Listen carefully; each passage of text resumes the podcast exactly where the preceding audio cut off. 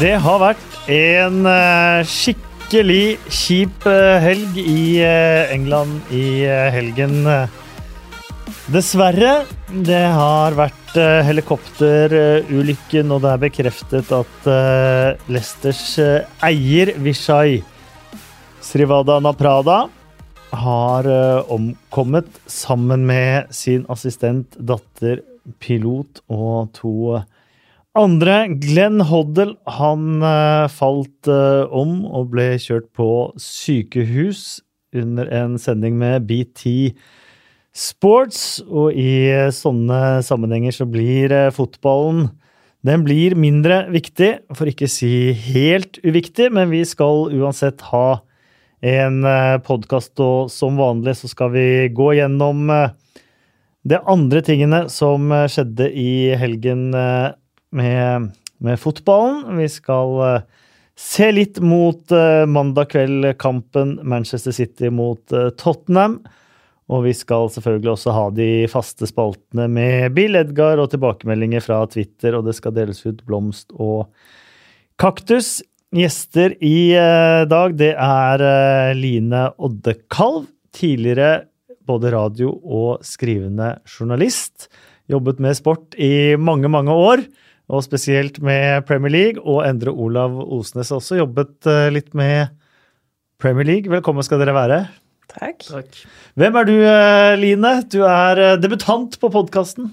Ja, tenk det. Jeg er veldig starstruck. Min bror sendte jo melding og var litt ivrig på mine vegne, for han er jo stor, stor fan.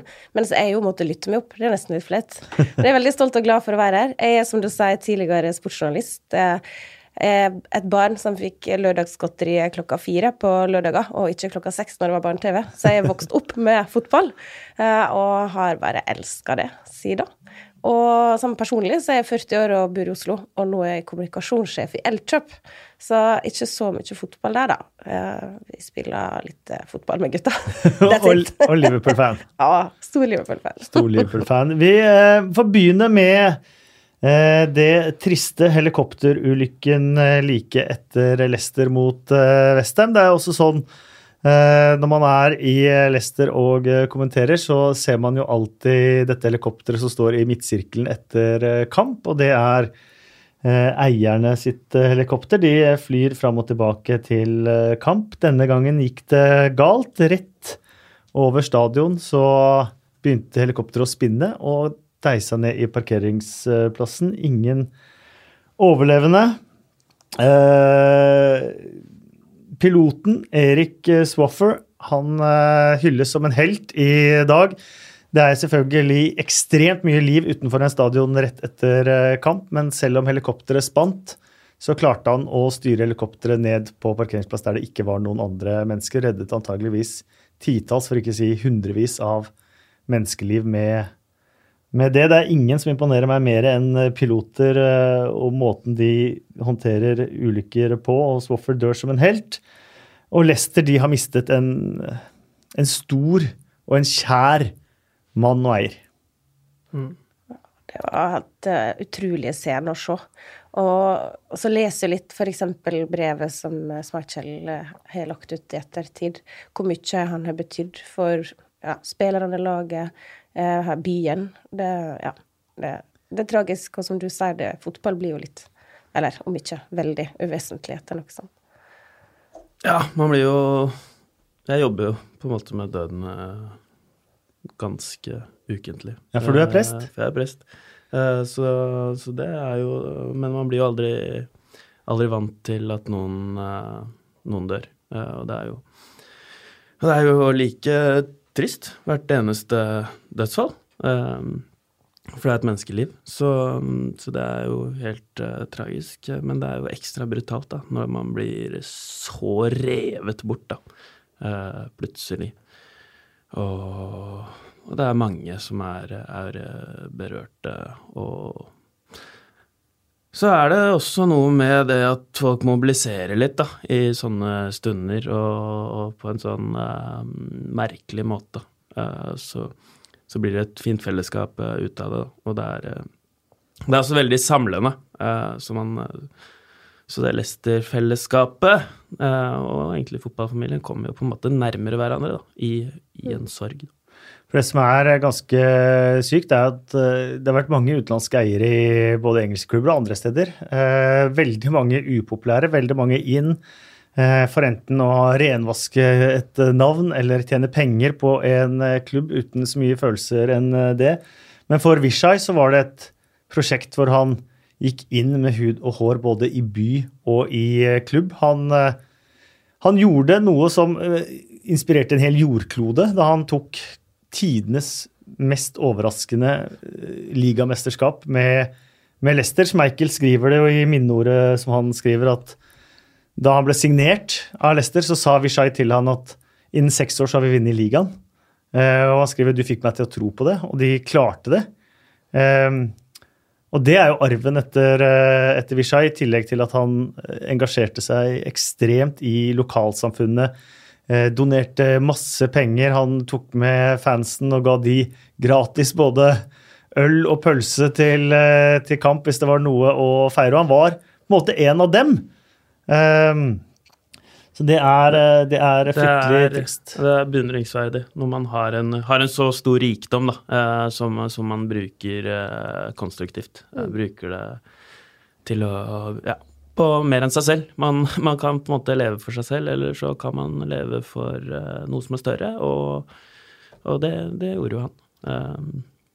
Hans rikdom kom mange til gode. Ja, for som mange sier, så selv om det kanskje ikke var så mye penger for han, så var det ekstremt betydningsfullt for de som mottok hjelpen fra Vishai.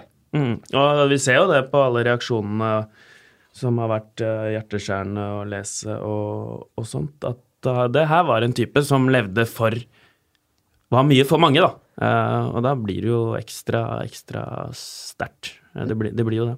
Og så er det, det er utrolig tragisk. Altså jeg bare sitter og tenker på altså Her hadde piloten med seg kona si. Jeg vet ikke om hun er med hver tur, men uh, sikkert ikke. Uh, fin opplevelse skulle hun ha, og så, og så, ender det sånn. Så det er jo bare Ja, det det er bare blytungt. Mange Lester omtaler som å miste et familiemedlem, faktisk. Så høyt var han verdsatt i, i klubben. Og for, uh, for, oss som jobber med dette her også, å se klubben så er det en stor forskjell på mange Premier League-klubber. Eh, noen er veldig lukkede, noen er, eh, noen er eh, ser business-siden av det. Leicester er helt tvert motsatte. Leicester er nesten som har kommet til en eliteserieklubb med tanke på både åpenhet og tilgang. Og, og, det er jo også noe som kommer fra ovenfra og, og ned, og som starter med en, med en eier, det òg. Men det er spesielt også å se rundt alle disse thailandske symbolene som er rundt på King Power Stadium. Man har jo hengt opp sånne små thailandske flagg mm. rundt hele mm. stadion.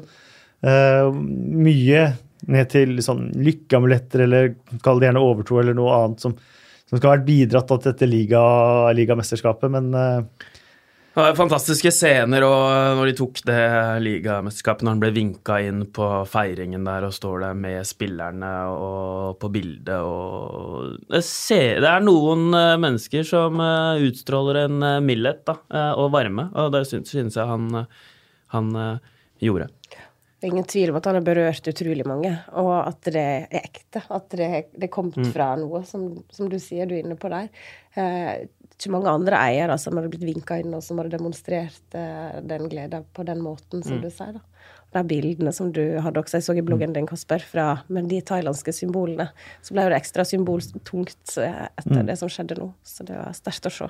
Og i kampprogram eh, så er det stort sett eh, kaptein og trener som skriver i, men eh, hos Leicester, Westham også, Crystal Palace, noen få av klubbene, så skriver også eieren Eh, sin egen, eh, egen, eh, spalte. Det gjorde også, også eierne til, til Leicester. Sønnen hans var heldigvis ikke med i denne helikopterulykken, og det er da antageligvis han som skal videreføre fars sin arv, da. Får man tro både i klubb og lokalsamfunn og, og sånn. Um, vi lar det bli med helikopterulykken. Minner om at uh, Lia Cup-kampen mot Southampton naturlig nok er utsatt. Og så vidt jeg leser også, så er jo spillere og sånn tilbudt krisehjelp og, og så nå. Det er spennende å se hvordan de også skal ta steget videre. Det er mennesker som skal prestere her, her også. En av mine barndomshelter. Jeg er født i 1975 og vokste opp med Glenn Hoddle som en av de aller, aller eh, største spillerne. Fantastisk eh, spiller. Ossi Ardiles eh, har kalt han Englands Maradona, og det tror jeg er ganske rett beskrevet. En legende i Tottenham, selvfølgelig, der han fikk nesten 500 kamper, over 100 mål, over 50 kamper for England. Han har vunnet league 1 med Monaco. Eh, to FA-cuper og Uefa-cup med Tottenham. Han har eh, tatt både Chelsea og Tottenham til Wembley som eh, manager. Han har vært manager i Swindon, og han har vært en kjær også fotballekspert. Var i BT Sports sitt studio da han falt om, og han ligger nå på sykehuset. Og det er selvfølgelig også noe som har preget England i, i helga. Mm så det, det var flere av hans tidligere lagkamerater som hadde trent, som naturlig nok har vært ute og uttrykka både sjokk og sorg over det som skjedde. Jeg så også familien eh, uttrykte takknemlighet for kollegaene i BT Sports, som angivelig da skulle ha utført da førstehjelp umiddelbart. Og mm. hvem veit om det kan ha bidratt til at han jo nå fortsatt er i live, men naturlig nok fortsatt kritisk. Eh, jeg så Match of the Day på lørdag eh, med Gary Lineker. Gary Lineker som Spilte i Leicester. Leicester er klubben hans. Han var lagkompis med Glenn Hoddle. Han hadde det fryktelig tungt da han skulle lede det tradisjonsrike programmet. Han kom gjennom det på en imponerende, imponerende måte. Han var, eh, han var jo en kul, eh, kul, type. Nå på en måte husker jeg mest som, eh, som manager, og der var han jo ikke like, like stor. Han hadde jo ikke så mye suksess som manager.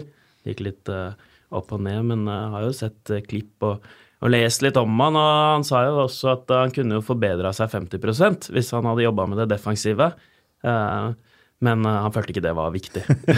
da er man jo en artig type, så han måtte prioritere det offensive. Og han har jo hatt en enorm karriere, som du sier, og lyktes ikke helt som trener, og så jobbet i TV òg, men det er jo det er jo stress òg. Jeg beundrer folk som sitter i uh, studio, det skal sies. Jeg har ikke vært der uh, mange ganger, men det er, uh, det er et press. Mye skjermer. ting skal gå fort, og det er et forventningspress på det. Så, så han har nok vært under mye press òg gjennom sitt liv. Kommenterte PSV Tottenham. Uh, og som den spilleren han var også, med et ekstra øye på Christian Eriksen, og kanskje litt ekstra kritisk mot, uh, mot Eriksen også. Jeg møtte han faktisk på, i sommer i Russland uh, under VM på en, på, en, flyplass. og det nå har jeg vært i denne businessen en stund. Det er ikke så mange som gjør meg starstruck, men Glenn Hoddle han, han klarte, klarte, det litt. Og for de som er yngre enn en meg, så kan de bare søke Glenn Hoddle på på YouTube og se hva slags magisk, magisk fotballspiller han uh, var. Kan uh, sjekke ut spesielt den skåringen jeg hadde mot, uh, mot, Watford. For Hvis dere trodde chipen til Cantona var den originale, så var det kun en kopi av Glenn Hoddles chip.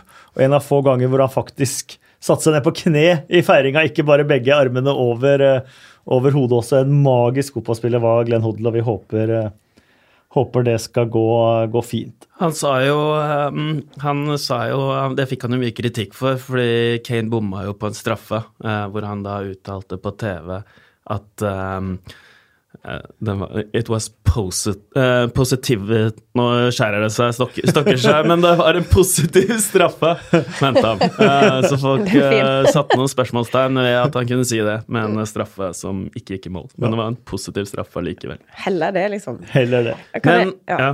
Jeg skulle bare si, Han er jo ikke en gammel mann. Han På 61-årsdagen mm. sin, liksom. Ja. Uh, han, er, han, er, ikke gamlemannen heller. Uh, og det er jo For oss som er født på 70-tallet, så føles vi jo kjempegamle. Ja.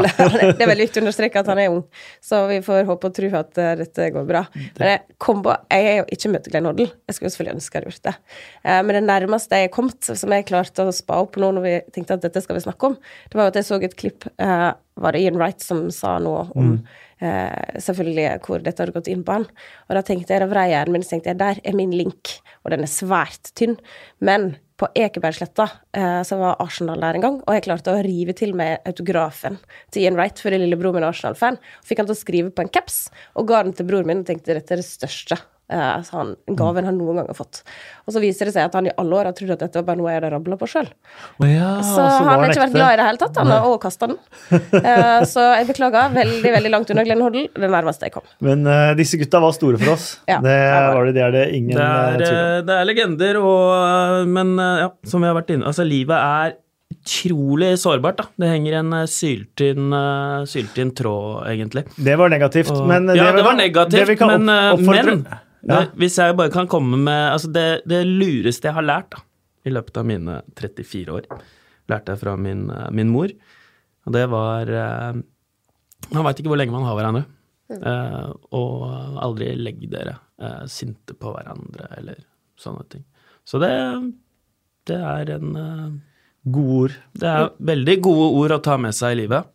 Og jeg legger til eh, at si ja takk til uh, tilbud om førstehjelpskurs på jobb og skole og andre, andre steder. Det kan man definitivt få nytte av. Leicester mot Westham endte 1-1. Eh, vi prater ikke noe om den eh, kampen, for det blir, eh, føler det blir feil. Eh, den, det resultatet er fullstendig uvesentlig i eh, denne sammenheng.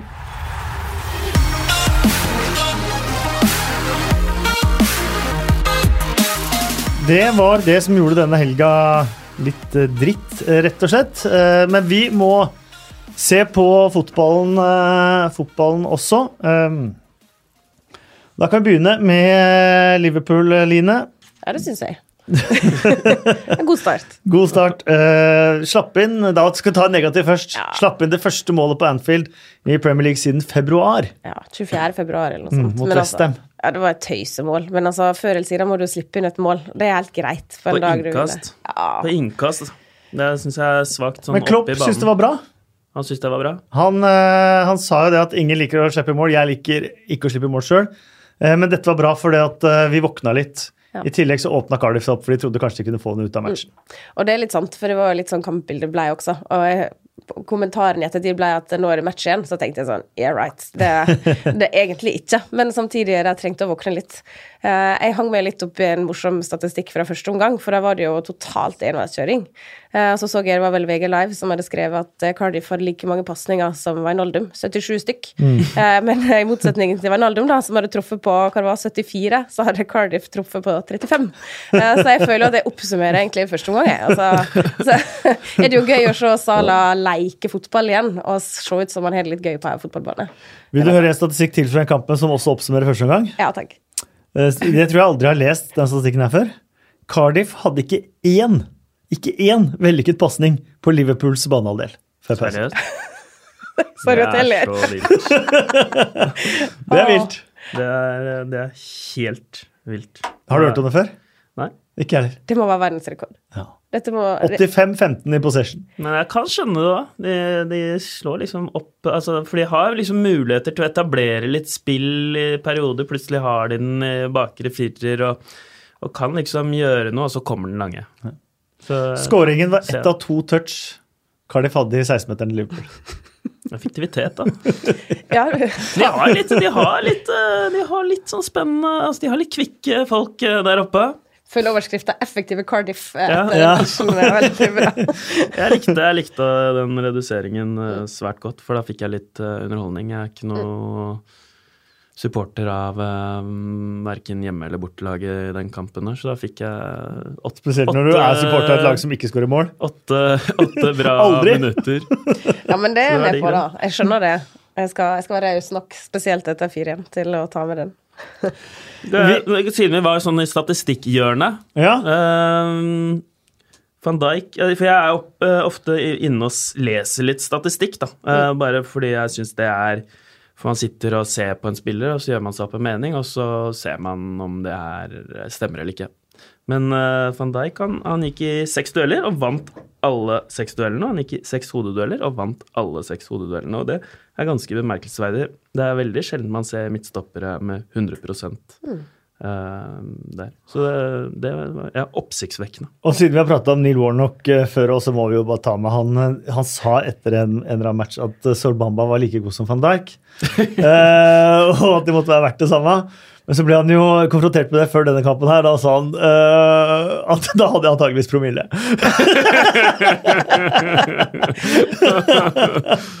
han er fin nå, da, noen ganger. Ja, men det er helt herlig. Det er bare å gnu på, tenker jeg da. Få, få litt Ja. uh, Men vi må prate litt om Sherdan Shakiri. føler jeg. Han fikk sin første scoring. og Mm. Dette er kanskje bare en følelse jeg har. Eh, Det er kanskje du bedre på enn meg, men jeg føler liksom alle sånne nye Liverpool-helter de passer på å skåre sitt første mål foran The Cop. Stemmer det? Du, det kan godt hende. Det burde jeg sikkert visst. Det veit ikke jeg. Men uh, Det var en sånn feeling at det første alltid kommer der. ja, det er iallfall en del side. som har gjort det. Uh -huh. uh, det er kanskje ikke tilfeldig. Og så må jeg også si at jeg er særs begeistra for hans inntreden. Og Ja. igjen tidligere år så har det av og til vært, eh, hvis jeg skal være litt sånn grei, da, litt sånn hipp som happ hvem som er slått til, og det er vel snarere gått flere ganger feil vei for Mm. eh, disse Liverpool-midtbanespillerne som er kommet inn. Men uh, superoptimist etter det jeg har sett. Syns han bare viser seg mer og mer fram. Og han ser jo egentlig ikke ut som en fotballspiller, syns jeg. da. Mor mi mente han så ut som en rørlegger eller et eller annet. Han rørleggeren. Eh, det er veldig god eh, yrke å kombinere, kombinere det, da. ja, jeg kjenner en som er rørlegger og Ja. fotballspiller. Da er det Nettopp. veldig, veldig bra. Nei, Men det, touch, solid. det toucha da før han setter inn eh, treen der, da. Ja. ja. men hva skal jeg si? Det er ikke så mange andre som har den. Nei. Tror du han, eh, tror du han Line, bli, altså, kommer til å spille seg til fast plass på, på det laget der? Eller at det, det her blir, er liksom rollen hans? Det er litt usikker på, faktisk. Og nå spørs det jo hvor lenge han henger med i de forskjellige turneringene. Men hvis han fortsetter sånn, så er det jo overhodet ingen grunn til at ikke han skal få sjansen. Så føler jeg jo også at eh, Klopp tidligere også har vist at han er villig til eh, spiller du det inn, så får du fortsette. Det har vi sett flere eksempel på. Så så lenge han tar vare på sjansen videre, så er det jo ingen grunn til at eh, han skal vike, sånn sett. Se deg noen som begynner å leke med at Fab 3 har blitt Fab 4. Ja, han er, men han er perfekt å sette inn sånn. Han virker jo sulten og, og fornøyd. Spørsmålet er bare hvor lenge han er fornøyd med en sånn situasjon. Og han kommer ikke til å Han er ikke typen til som finner seg i å være superreserve. Nei, det tror jeg ikke. Men uh... Men uh, i og med at vi var inne på sånn uh, statistikkhjørne og sånn, da Mohammed Salah har jo fem mål eh, etter de ti første ligakampene, og det er det samme som forrige sesong. Men det som har skjedd nå, og som skjedde også forrige sesong, er at man har bytta til gul ball. Og da våkner Salah, vet du. Hallo! Det er ingen som skårer flere mål med gul ball enn Mohammed eh, Salah. Kan sammenligne med Kane, Ari, Suárez, Cristiano Ronaldo og Diego Costa i, eh, i Premier League. Ingen er i nærheten av målsnittet til Salah med gul ball. Han har én per kamp med gul ball. Den kuleste statistikken jeg noen gang har hørt. Det elsker jeg. Så gul ball for alltid, da. Gul ball for alltid. Men du ser jo at han er litt lettere i steget. Eh, Med gullball, eller eh, Med gullball, naturligvis. Jeg, jeg var ikke klar over det før, eh, men det er jo det, da. At det går litt lettere. Litt lavere skuldre. Det går litt Han, han er jo sparka litt i bakken og mista litt, men jeg føler jo nå at litt flere går riktig vei. Eh, og noen av pasningene altså Vi ser på første målet der, hvor han er med å bygge opp først, eh, og så og starte angrepet der. Og når det går litt fram og tilbake, så, så vandrer bare gjennom hele feltet og er som en sånn skikkelig målsnik. Det er helt diagonalt motsatt når han setter inn det målet. Så er det litt mer sånn eh, en kombinasjon av gamle saler, og litt sånn tidligere Liverpool-spisser som bare er der fremme og bare sniker inn det målet. Det var skikkelig deilig. Så det lover godt. Ja, det er bedre med oransje ball. Den Du? der vinterballen, ja. Kommer Så de var der bare- vintertreningene med litt sånn uh, snø der, og så en oransje ball. Det, er, det er jeg faktisk, ja. Jeg er best med inneball. Var det. Den var mye lettere. Gul filtball. Gul filtball. Jeg var på Norwich Southampton starten av 90-tallet i snøstorm. Da spilte vi med oransje ball, faktisk. Neil Ruddock skåra sjølmål for Southampton. Klassisk. Ja. Snø og snø oransje Tromsø var jo vakkert, var, ikke, var det ikke Tromsø som var ganske god med oransje ball? Ja, det bra. Du slo Chelsea med oransje ball, de. Så det er klart det her har noe å si. Ja. Ballfarge der. Dette må vi undersøke nærmere, og det er helt sikkert noen der ute som har noe sånn ballfargestatistikk. Ja, og jeg har jo aldri vært opptatt av sånne ting. Uh, og jeg har alltid vært sånn der, det har ingenting å si. Uh, sånn, uh, VM nå, så startet det med én farge på ballen i gruppespillet, og så bytta de til sluttspillet sånn. Men å ha en sønn på tolv år, det gjør at man plutselig begynner å legge merke til sånne ting. For barn er selvfølgelig opptatt av sånne ting, og syns sånne ting er kult, og syns at én ball er kulere enn den andre ballen. og, eh, og sånn. Det er en, eh, en del av eh, tiden, det. Så jeg syns faktisk at det burde vi også være- vie litt oppmerksomhet. Ja, det er absolutt. Fabinho må vi også vie litt oppmerksomhet.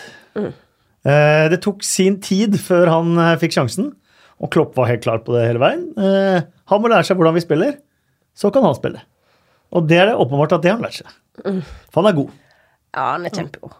Og der igjen kan jeg si, er det litt sånn deilig med Klopp, og hvorfor jeg tror også at enkelte spillere kan finne seg litt mer under han. For jeg er helt sånn tydelig at han er veldig flink til å formidle 'dette er den planen jeg har for deg', og du trenger å gjøre dette før Altså, jeg tror han er veldig, veldig tydelig. Det er i ser ut til å fungere. Og det han leverer på banen, er jo bare helt Jeg var litt spent på han, da. Jeg bare tenkte sånn hm, OK, ja, vi får se. Ja, for Han så ikke sånn supervass ut i treningskampen i sommer heller. Nei. øh, og jeg var litt sånn her jeg, ja, For meg også litt sånn ubeskrevet. Har ikke følt Altså, ikke sånn at jeg tenkte yes, han var på lista mi over de jeg kunne tenkt meg inn i klubben. Og så er det jo bare deilig nå å få sånn ja, strålende Ja, får jo litt uh, tiltro da til Klopp. Litt ekstra tiltro. Ja. Da. Det er en plan, eh, plan bak det, og så Samme Roberts nå. Tok Ja. lang tid før eh, For også kom han inn, spilte en god kamp, og så var han ute lenge, og så skjønte ingen hvorfor. Men Klopp veit hva han gjør. Da kan man, Bedre enn oss. da kan man lene seg litt tilbake, og så kan man stole på at eh, han som jobber med det her, eh, det laget 16 timer i døgnet, kanskje vet best. Men jeg kan jo si at det var litt eh, sånn blaff hos Sholalana og Moreno og eh, Loveren. Altså det var litt sånn Oi, oh, det var litt som i fjor, du. Men eh, det er deilig å da ha det laget som du kan Altså spille spiller midtuke, og så kan du sette inn, og så er det et sterkt lag. Det er jo igjen forskjellen fra i fjor, eller forrige sesong, da. Eh, at du har den bredden. At det fortsatt er et bra lag. Selv om Liker at du liksom, skiller fjor og forrige sesong, for det er altfor mange som sier i fjor. Ja. Uh, Jeg tok meg i det, altså. ja, veldig bra. Jeg bare. Det er jo sånn Barcelona på sitt beste. Man kunne liksom bytte ut uh, åtte spillere, og så spilte de akkurat på samme måte. Så det er en kjempekvalitetstegn. Ja, det er definitivt en eh, økt styrke for Liverpool. Og siden jeg nå eh, Jeg kunne ønske vi kunne snakke om Liverpool hele podden, det skjønner vi ikke kan. Men jeg skal ta én ting litt sånn kritisk til, da. Siden det er egentlig mest å juble over for med Liverpool eh, denne sesongen så langt, så er jo litt at eh, min favoritt, Firminio med unntak av en magisk sånn helpasningssak som han utførte, jo eh, ikke er helt vass om dagen, hvis man kan si det. Han er selvfølgelig kaptein på mitt fantasy-lag, for jeg glemmer å bytte det hele tida. Det er jo veldig bra. Så det må vi bare forbigå i stillhet. Men ja. Eh, utover det så er det jo også å ta med seg at Liverpool presterer så bra, og så er ingen av de på topp vært i form, alle sammen enda, egentlig. Men han kommer, altså. Nå kommer de. Det, ja, det er jo det de mangler, på en måte. En sånn ja, Man må jo si at eh, Firmino er en Ja, internasjonal men får- toppspiss, men han er ikke Nei, eller han er ikke den internasjonale toppspissen. But you win some, you lose some, tenker jeg da. Og da tenker jeg at hvis du skal ha en spiss som skal spille på den måten som, som Klopp vil, vil, så er det Firmino. Det er ikke nødvendigvis en spiss som ikke gjør noen av de defensive oppgavene, men som skårer 10-15 mål mer enn Firmino. Så eh, med tanke på et lag, så tror jeg kanskje at det er det ideelle. Så igjen, jeg tror han har bedre peiling enn oss. Ja, vi, Liverpool de er på toppen av tabellen, iallfall noen timer eh, til. Eh, Jürgen Klopp fikk jo spørsmål om det etter eh, kampene. Top of the league, eh, liksom sånn. eh, Og han svarte småsarkastisk. Eh, ja, det er jo det jeg jobber for, å kunne være på toppen av ligaen i eh, 40 timer. Manchester United de eh, slo Everton 2-1 på Old Trafford. Romelu Lukaku vraket til kanskje den kampen han aller helst ville spilt i tillegg til kampen mot uh, Chelsea. Um, jeg syns Manchester United nesten for første gang denne sesongen lenge så ut som Manchester United.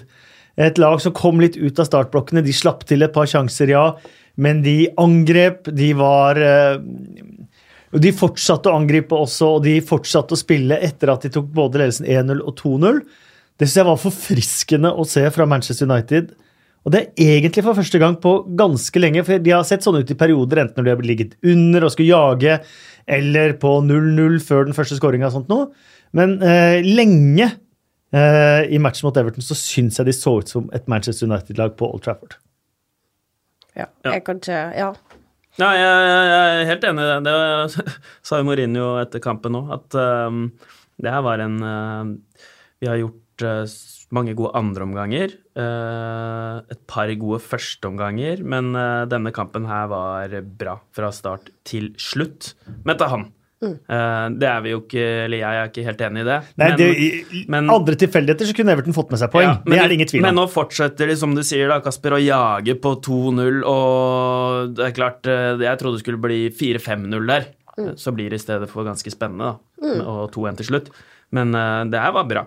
Men jeg satt ja. likevel igjen med den følelsen som du jo gjør, at eh, denne vinner United uansett, selv om det ble litt farlig på slutten. Det var følelsen vi hadde med Manchester United før. Ja, det var akkurat det. Du ja. vet at eh, det er litt sånn Tyskland, altså. Ja. Ja. Men det er litt den der at det, det, men dette drar de jo land. Og så ble det vel hva var det, seks tilleggsminutt eller noe, sånn Fergie mm. time feil vei.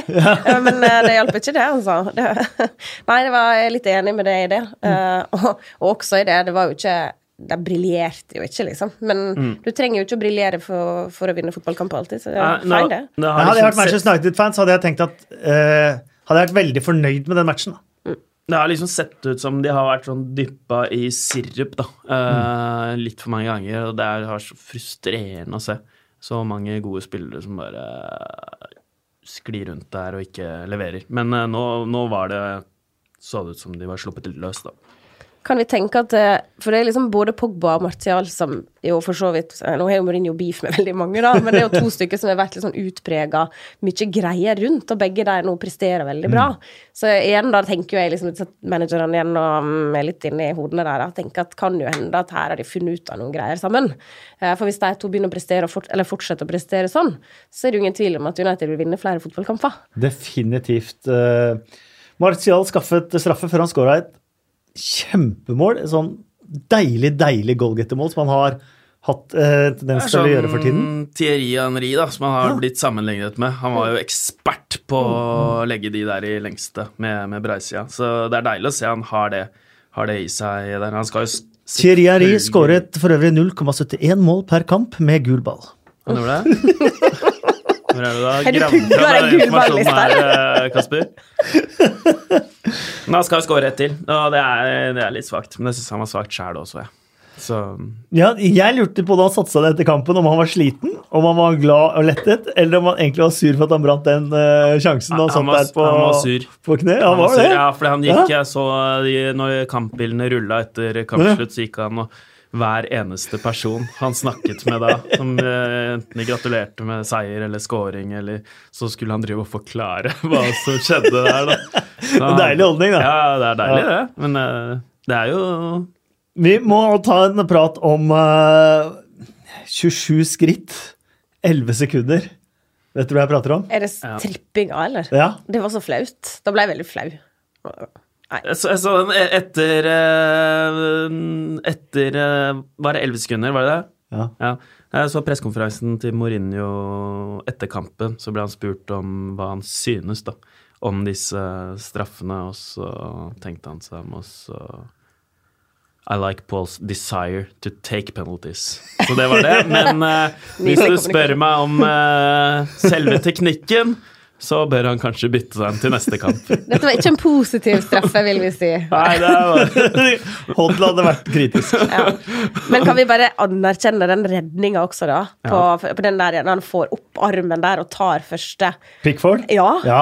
Den syns jeg var sjuk. Han har uflaks. Ja. Skikkelig uflaks. For det er ingen Everton-spiller som kan nå den returen Nei. i og med at den faller hos Pogba. Så egentlig var det her en positiv straffe. ja. og, men det som er eh, det Mourinho har et poeng i altså, altså han, han, elsker at uh, Pogba tar uh, straffer, og han, når han bommer, så vil han ta en til. Og han ville ikke ha Mikke Mus-folk, sa han, som skjelver Eh, når de skal ta straffe. Og det viser jo, eh, det viser jo forskning òg, at de som står lenge da, og venter på en straffe og vet at det, det her er en situasjon jeg er bekvem med, kontra de som bare skynder seg å ta den, fordi det her vil de få overstått. Flere av de som mestrer den følelsen å stå og vente, da, de scorer oftere. Så har Pogba bare dratt det litt ekstra langt. langt da. Nå gikk minnene mine tilbake til Bergbanen som unge fotballspiller for Eh, jeg er en Mikke Mus. jeg var dedikert uh, straffeskytter. Fikk straffe. Det var årets, sesongens siste kamp, og jeg tror den var litt viktig, og det var 0-0. Eh, og Tore på laget var, var den beste spilleren. Så vi fikk straffe. Alle var Tore tar den. Men det var jeg som hadde fått oppgave av treneren. Jeg skulle ta straffe. Så jeg tar ballen og sier den er min. Oi. Jeg brant. Oh, no, no. Mikke Mus Vikestad. Å, faen meg. Straffe er vanskelig. Oh, du kjenner den fortsatt? Jeg kjenner den fortsatt, faktisk. For jeg skåra ekstremt like, lite mål. Dette var en mulighet til å bli eh, litt helt. Det var det siste som skjedde i matchen. um, Manchester City de møter Tottenham mandag kveld. Hvis du hører denne podkasten på tirsdag, så vet du hvordan det gikk. Så da eh, får du høre om vi var idioter eller ikke. Om du hører den når den har kommet eh, ut, så vet du at da er det stormatch på gang i kveld. Det er flere som har spurt hvorfor vi spiller inn denne podkasten på mandag, ikke tirsdag, sånn som vi pleier. Og det er fordi at eh, Endre Olav og jeg vi skal på seminar i morgen, faktisk. Eh, heldags. Det blir stort, det. Ja, det blir stort. Ehm, det ble spilt NFL-kamp på Wembley i går. Matta den ser ut som et gjørmehøl, de, eh, de bildene jeg har sett. Doy Nguyen, som hører, som hører på alle podkastene, har jeg fått inntrykk av, sendte meg også noen linker og bilder. Spør om dette her er innafor. To ballspillende lag som Spurs og City. Eh, Stor kaktus til Spurs som ikke har klart å få orden på dette. Men dette her var jo en kamp som ikke skulle bli spilt på Wembley. Dette var en kamp som skulle bli spilt på den nye stadion. Eh, og så var det jo da selvfølgelig krasj, for at den eh, NFL-kampen var booka inn for lenge, lenge siden. Eh, og nå har nyhetene kommet også om at eh, det ikke blir stadion eh, på denne siden av nyttår. De skal spille på Wembley ut eh, året. Jeg har en trøst for alle Tottenham-fans, og for så vidt de som holder med Vålerenga hockey òg. Og det at jeg veit at selv om ventetida er lang, og ventetida er vond, og ventetida er full av skuffelser, og man gleder seg, så idet man har vært på den første kampen på den nye arenaen, så er hele ventetida glemt. Og da er det denne arenaen du skal kose deg med de neste 40 årene. Og de 40 årene kommer du ikke til å tenke på at dette var lang ventetid. De 40 årene kommer du bare til å kose deg på ny arena. Det er jo noe med mm, forventningens glede òg. Det er jo altså en eh, dansk eh, teolog, filosof, Søren Kirkegård, han eh, fortalte jo at han hadde jo bestilt hest og kjerre og teaterbilletter, og det her var stort, da. Å, å reise på teater eh, før, og så gleda de seg veldig, og så dro de av gårde da, eh, til teater, og så satte de seg ned, og idet forestillingen begynner, så går de. Fordi forventningens glede er den største gleden. Tror du er den dypeste personen jeg vet. Nei, men jeg har mine øyeblikk. Det er Imaginær Mozart-kule til det. Så det er viktig å glede seg. Det er viktig å glede seg, det er og det er viktig å ha håp. Um, Spurs har tapt 10 av sine 15 siste mot uh, Manchester City. Manchester City vant 3-1 på Wembley forrige sesong. Jesus, Gundogan og Sterling skåret da. En som alltid skårer nesten mot Spurs, det er Sergio Aguero. Han uh, Han har ti mål på de første sju ligakampene mot uh, Tottenham. Og her kan du se hvordan statistikk kan lure deg. Mhm, Fordi at er. Aguero skårer alltid mot Spurs. Det er sånn Mm. man tenker. Og han hadde jo da som sagt ti mål på de første sju kampene mot uh, Tottenham. Men han har faktisk ikke skåret på sine fem siste mot Spurs. Ah. Det har gått meg helt hus forbi. Mm. Fordi at jeg har tenkt at han skårer alltid mot Tottenham. Hva tenker vi om kampen i kveld? Eh, Jeg sitter med Hvis banen er så dårlig som du sier, så er jo det, må jo det være fordel Tottenham. Eh, Så det er jo Det kan jo være lurt, det, å ha en litt dårlig bane.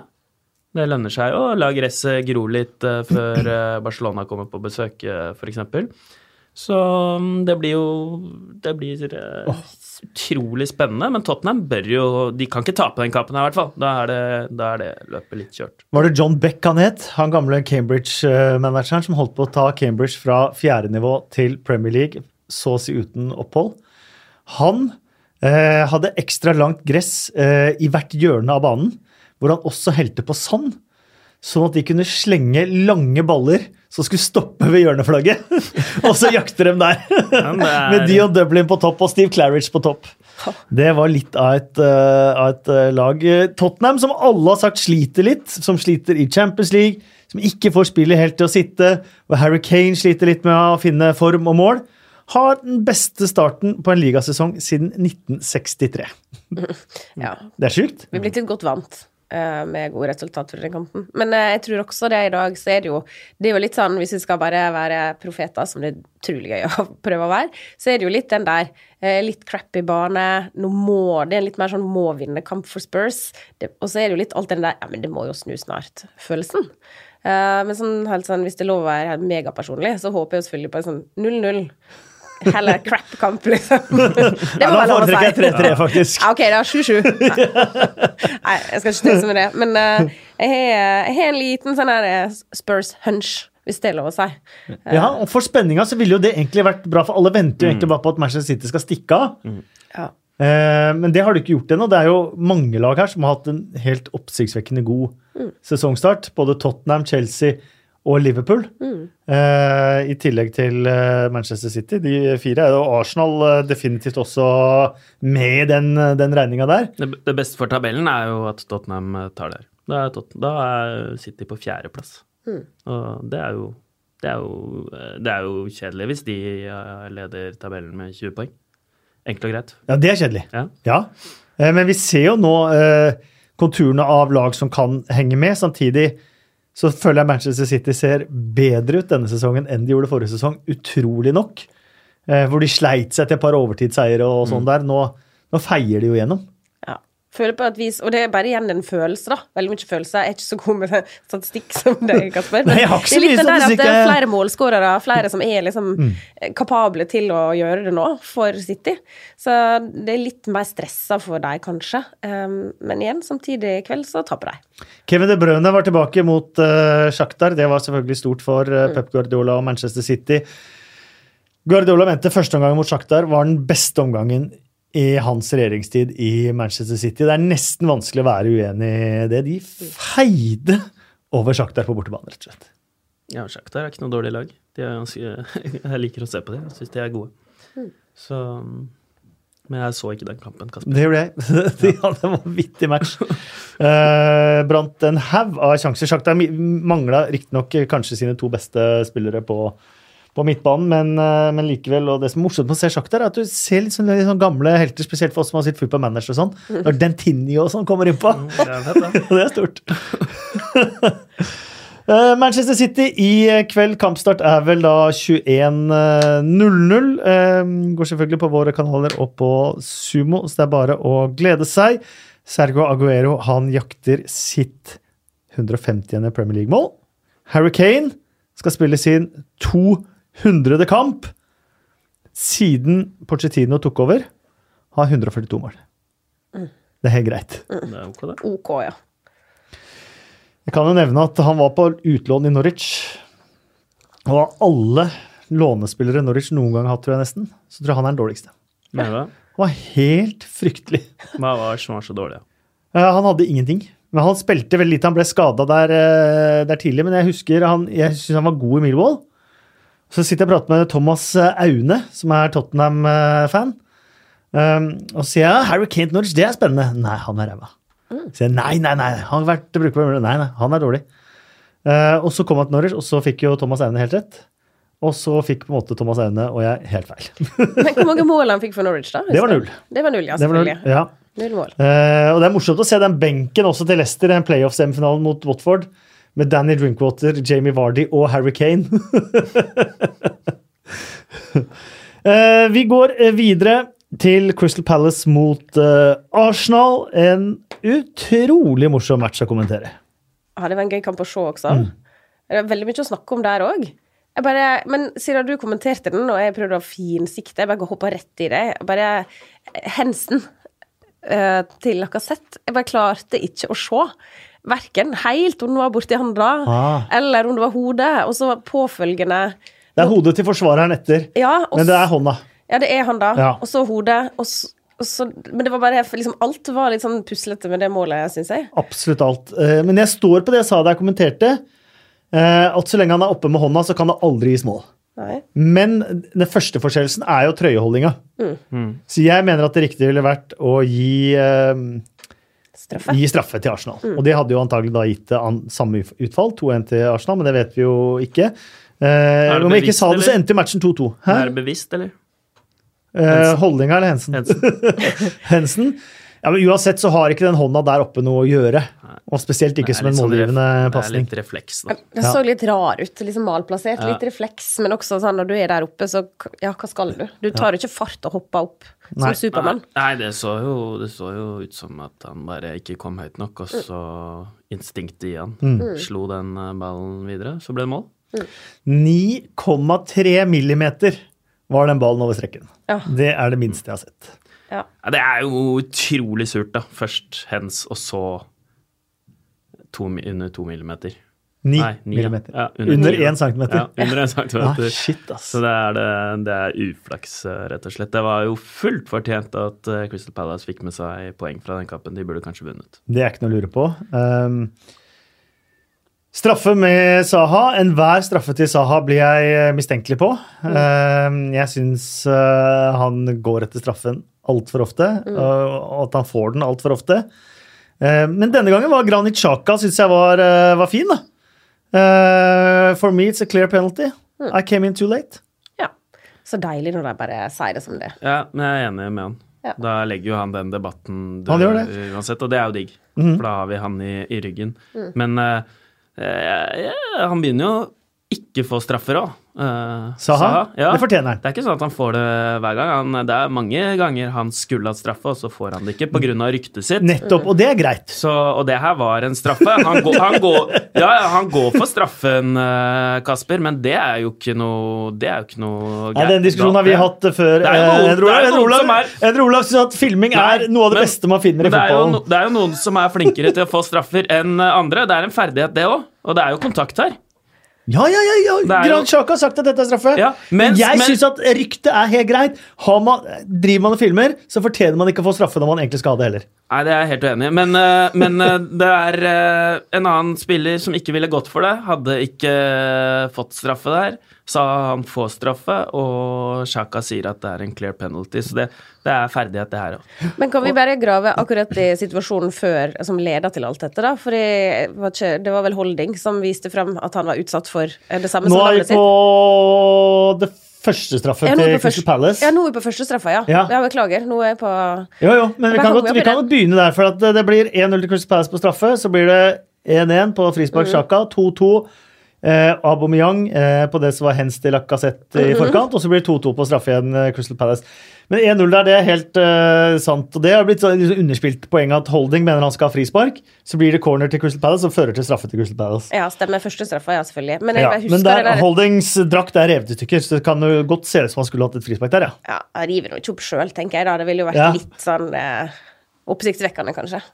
Ja, det, er, det har vært folk som har gjort det òg. Nei, seriøst? Ja. Vet Du, det, det helt ærlig? det var en keeper, faktisk, som eh, eh, hadde Om det var kampfiksingen, husker jeg ikke helt foranledning til det, men så ble det kasta raketter ned fra tribuna, eh, hvor han helt åpenbart ville at denne kampen her skulle eh, avlyses.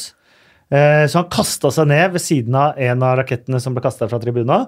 Dro opp skalpell fra, eh, fra strømpa si. Skar seg masse i ansiktet med skalpellen, så blodet spruta fra ansiktet. Eh, og selvfølgelig ble jo kampen avblåst og, og, og avlyst, for han hadde jo blitt truffet av en rakett, så han blødde i ansiktet. Inntil man fant ut at han faktisk hadde skåret seg selv i ansiktet. Oi. Men uten, uten at jeg da mistenker Holding for å ha skåret opp sin egen drakt. Nei da. Nei, han har nok ikke gjort det. Men, eh, det, men det er, det er, det er sterkt, da. Han der eh, Milivojevic da, setter inn eh, to straffer. Han bomma i forrige kamp. Mm. Det, det trakk jo også Mourinho fram på sammenlignet ved- Han er ikke Mikke Mus. Nei. Pogba sitt desire med Milivojevic, da, som brenner i forrige kamp. Og så går han fram og tar to straffer og, og setter begge. Han er jo sikker, han har bare brent to. Det var hjemme mot Manchester City på 0-0-matchen på overtid der forrige sesong. Og så var det den mot uh, Everton. To kostbare misser, skal sies. Mm. Uh, vi må si litt om innhoppet til Alexander Sørloth, uh, syns jeg. For det var meget positivt og veldig delaktig i det som ga straffespark til 2-2. Ja, eh, jeg tenkte faktisk på det før kampen. Bare sånn, Hva har du sagt som gjør at du ikke får spille? Nå har jeg, det må være et eller annet der, for jeg syns fortsatt det er rart. da. Eh, samtidig så er det utrolig kult å se at han kommer inn, og først kanskje litt eh. Men jeg syns fortsatt likevel at eh, han tar opp plass, og han er en trussel og gjør at han skaper trøbbel for Arsenal-forsvaret. Og så er det utrolig gledelig at han er liksom såpass delaktig som han er, da. Eh, til at de tar det poenget. Forhåpentligvis kanskje et lite vendepunkt både i øynene til supportere og, og manageren. da. Han For det han gjør i forkant her, for det første så vinner han den første duellen med å stikke fram hodet. Og så blir han halvveis tatt. Mange kunne lagt seg ned for å få et eh, frispark, holder seg på beina. Og så spiller han Saha som får eh, straffe. Veldig veldig bra gjort av Alexander Sørloth. Vi håper han får spille mer. Ja, det heier vi på.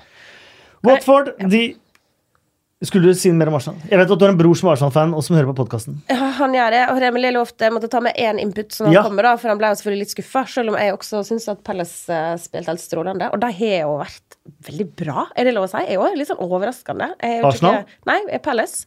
Men tilbake til Arsenal, da, så, så var det jo eh, skadeproblemer på back, kvela bredda, og gjorde det enkelt for motstander å ligge kompakt og ta ut Øzil. Fortjent uavgjort. En oppsummering fra Arsenal-supporter. Ja. Det var greit. Samtidig som jeg syns Sjaka gjør seg godt på den venstrebekken på et vis. jeg. Ja. Ja, Ja, mål, altså. kanskje han passer eh, Ja. der litt bedre, faktisk. Mm. Så det var et helt eh, rått mål, da. Det var helt rått mål, faktisk. I frispark, keeperhjørnet, og allikevel ikke, Kanskje og allikevel ikke litt- keepertabbe. Ja, men eh, det er keepere som har tatt den. Definitivt. Det hadde tatt den Ja. lett. Men eh, det er et rasende frispark. Det er så nydelig å se på. Det er litt sånn, det er litt den der du tenker bare, ja, men jeg ville bare gått fram og satt den i krysset. Og det er liksom akkurat det jeg var sånn, ja, jeg gjorde det. Jeg Og, og han er jo eh, det går, det går liksom litt eh, De har bedre midtbanespillere enn han, mer kreative midtbanespillere. Men han har den foten det tror jeg kanskje det grepet kan være lurt, ja. Elias Nissen Lie mener jeg burde få kaktus, siden jeg sier sjakalakka bom når han skårer istedenfor bom sjakalaka. Tar du den, eller? Vi kommer til det seinere. Det skal også sies at dette var første hjemmeskåring for Crystal Palace siden mai. Wow. Ja, så de eh, De eh, hadde venta hardt på det, og det syntes på feiringene både til spillere og fans der på Sellers Park. Men kan vi ha et sånt begreps... Bare Kan jeg spørre deg om noe? Nei, du kan ikke spørre, men du kan eh, slenge inn et begrep. Jeg stoler på deg på alle begrep. Nei, nei, nei, nå bare spør jeg, fordi det var en var faktisk eh, fetteren min som eh, det var eh, en gang eh, Jeg lurer på om det var du var Mata som hadde blitt matchvinner. Eh, United vant 2-1. Eh, Vil, vil du si at eh, Martial blir matchvinner nå? Ja. for, eh, Vinnermålet er alltid matchvinner. Game winning goal. For han mente da at Han skårte jo 2-0-målet, og så kom det en eh, 2-1-redusering. At det, da kan man ikke snakke om matchvinner, man kan snakke om matchvinnerredning. Ja, men det kan man også snakke om.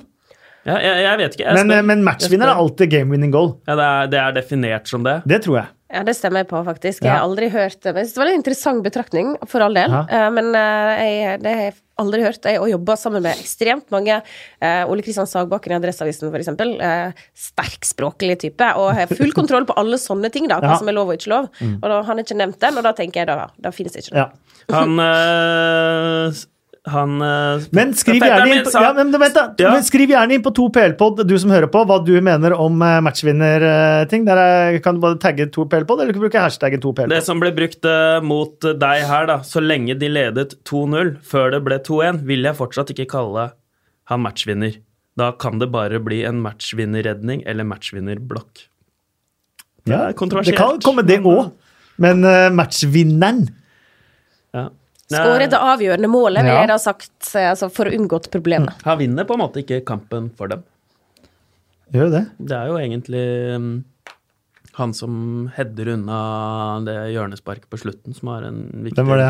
match Husker jeg ikke. Nei. Har en viktig matchvinner Nettopp, du husker ikke- eh, husker ikke klarering. matchvinneren ja, matchvinnerklarering. Hvis du hadde huska hvem det var, så skal jeg ta diskusjonen videre. Men du ikke husker matchvinneren, da var det Martial som ble matchvinner. Eh, Watford mot Huddersfield 3-0. Vi trenger ikke ta så mye eh, mer om den kampen, annet enn at Huddersfield er sjanseløse for tiden. Uh, forsvarsspillet de viste til tider her, var helt, helt vanvittig. Skåring til Roberto Pereira. Han går forbi fem mann. Eh, vanvittig skåring. Elsker å se skåringa, men hvis du ser forsvarsspillet, det er ingen forsvarsspiller som verken er ball eller han. Ja, Det er rare, Ingen, ingen er bortpå han engang heller, og han er ikke, har ikke så mange touch på ballen.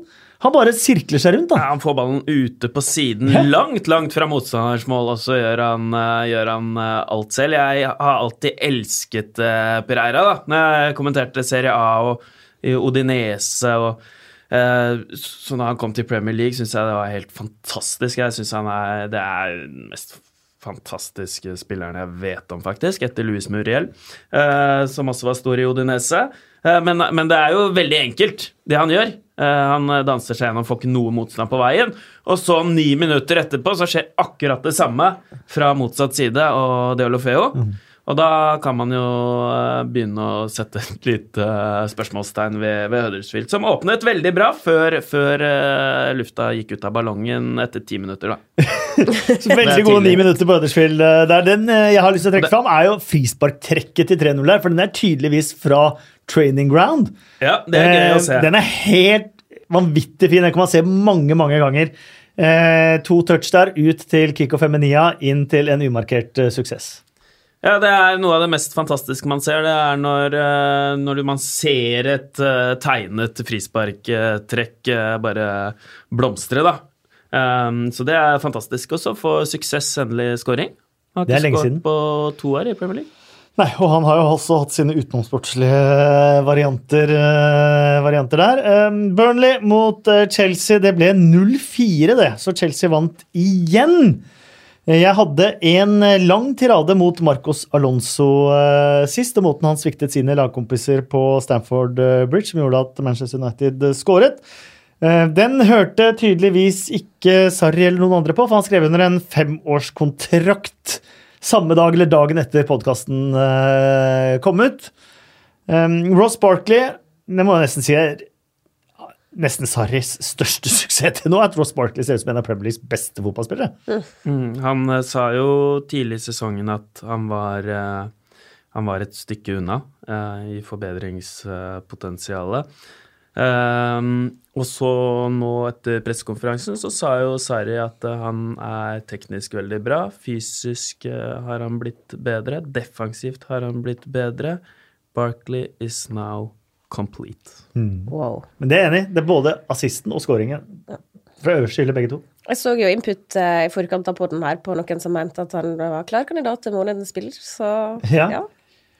Men det er, jo, det er jo engelske spillere i Chelsea. Uh, han ble første siden Frank Lampard med både scoring og målgivende uh, mot Southampton. Han ble den første engelske målskåreren på et år eller mer. Uh, og han eh, hadde eh, scoring og målgivende nå igjen eh, nå. Eh, I tillegg skåra jo Ruber Loftus Cheek òg. Enda en engelskmann på skåringslista. Første gang siden Cale og Terry at eh, to engelskmenn har skåra i samme match for eh, Chelsea. Um, og Barkley for meg ser ut som hele pakka nå. Mm. Ja, det, det, var, det, var, det, er sterke ord fra en, fra en, manager som uh, man vet er ganske sånn Da hadde Barkley gjort gode prestasjoner når han sa han er fortsatt et stykke unna. Han, mm. må, han må forbedre seg. Og så sier han He is now complete. Mm. Altså, da, da, er man uh, Da har man ikke så mye mer å jobbe med. Men det uh, var jo det vi snakket om med, med Klopp òg. Man får litt sånn tiltro når du ser at det er en plan, da, og de, de fases inn, da på en måte. Og mm. det, det, samme er jo nesten i ferd med å skje Loftus Cheek nå, som, eh, som må ha fått eh, beskjed Han er et stykke unna, han gjør forbedringer, men, men nå hadde han jo en stor kveld i hat trick i midtuka, og så inn og score her nå, så Sarri vet hva han driver med. Jeg liker Sarri ekstremt eh, godt, faktisk. Barcelona, de han, han er veldig sympatisk òg, sånn apropos han Før han fikk spørsmål om fotball, så, så så uttrykte han sine store, store sympatier da, til, til, Lester før han mm. kunne gå videre om det. Og, og det har jo også vært noe av det som har blitt brukt mot han, at han har, han har noen riper i lakken. Sånn det har han. Han har jo hatt litt å jobbe med imagemessig før Premier League, ja. både med kvinnesyn og det har han tatt tak i. Og syn på homofile, ja. Han har tatt ekstremt tak i uh, Han er, uh, virker uh, utrolig fin fyr. Barcelona de knuste Real Madrid i El Clásico. Jeg har ikke fått noen nyheter fra Real Madrid i dag, men Chelsea-fansen de jubler antageligvis stort om Antonio Conte skulle bli ansatt i Real Madrid, for da skulle vel Eden Hazard-ryktene til Bernabeu stilne litt. ja, det er sant. Poeng jeg ikke har tenkt på, faktisk. Men uh, ja. Ja, for han har jo han har åpenlyst flørta med Real Madrid, men eh, Ja. han drar ikke tilbake til Conte, han nå. Nei, det, det gjør han nei, helt sikkert ikke. Nei da, men da er det greit.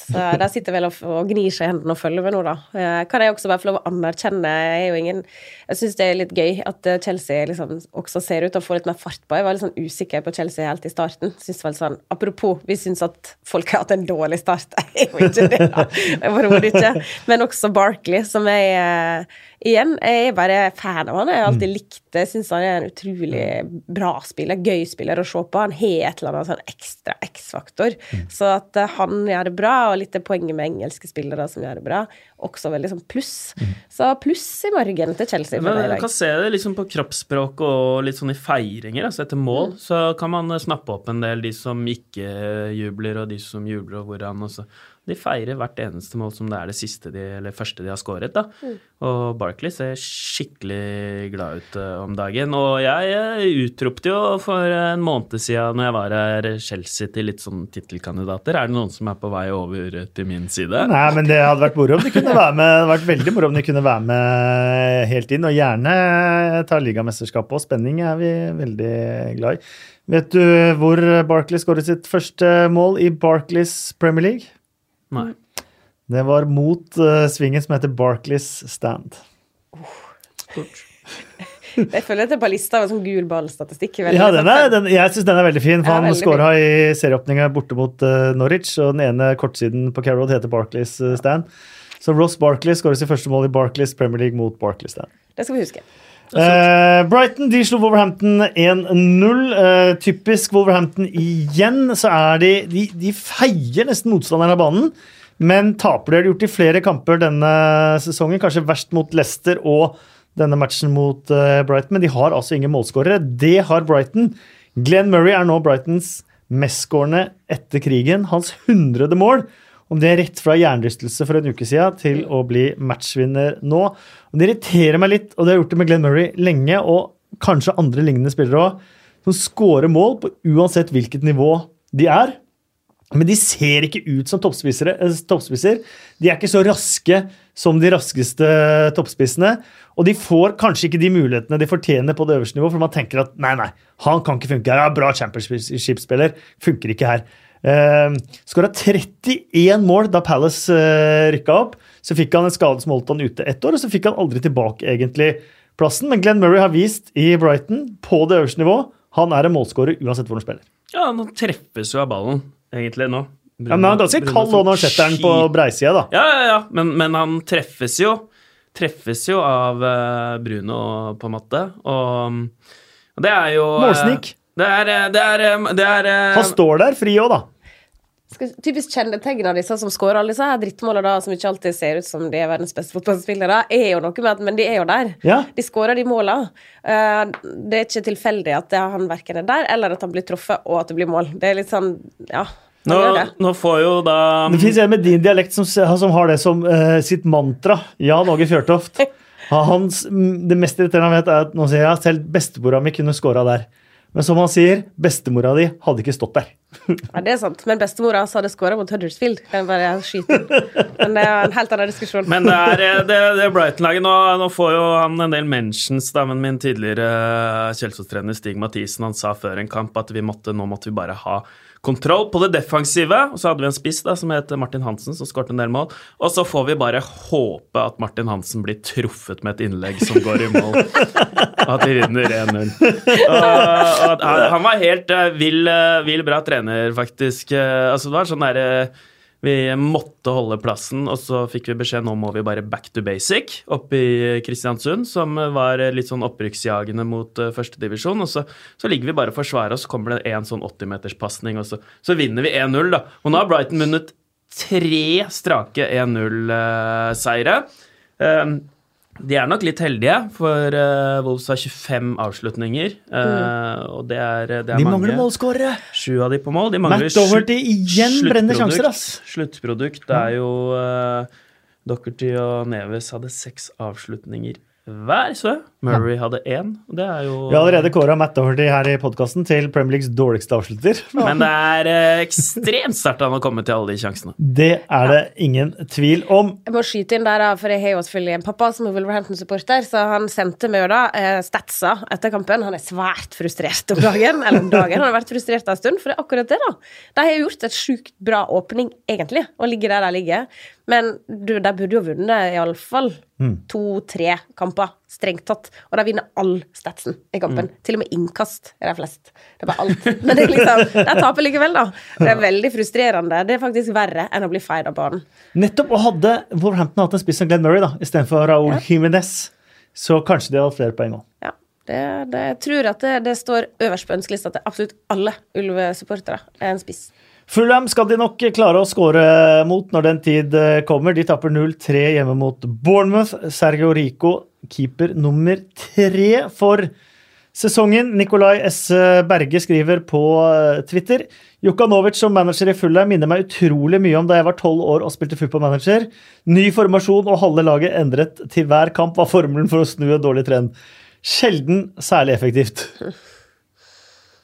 Nei, hva skal jeg si, jeg syns det er litt natta, liksom. Eh, Sterkt av Bournemouth, da. Skal ikke Altså, det, er ligger på sjetteplass? Ja, de har, Eh, Watford har vært helt Ja, men litt sånn, du tenker jo at det er litt sånn ut av deg sjæl, dette kommer til å gå seg til. Men uh, Fullhem føler jeg bare litt natta. Jeg ser liksom ikke noe Ja, noe bra i det hele tatt. Men har de, eh, kan man ikke si at de faktisk har spillere til å snu det? De har jo, Jo. såpass mye kvalitet i dette laget her. Eh, at eh, eksempel få inn én leder i midtforsvaret da, Mm. i januar, og så plutselig kan det være nok til at alt skal snu? Ja, det, det, det er helt klart det beste laget av de, de der nede.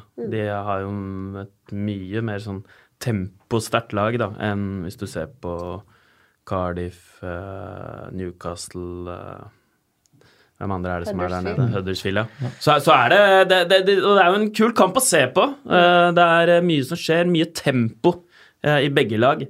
Både Jeg hadde håp på Bongen, jeg, faktisk. Jeg trodde at her snur det mot et litt sånn åpnere Bournemouth-lag. Ja, og det, de, de skaper jo ting, eh, men de får jo en straffe imot, og så, så butter det, da. Utrolig klønete av Fosse Mensa. Anders Ole spør på Twitter Fulham er det eneste laget som har til gode å ha clean sheet de første ti kampene denne sesongen. Skremmende dårlig til å forsvare seg. Når får Jokanovic fyken?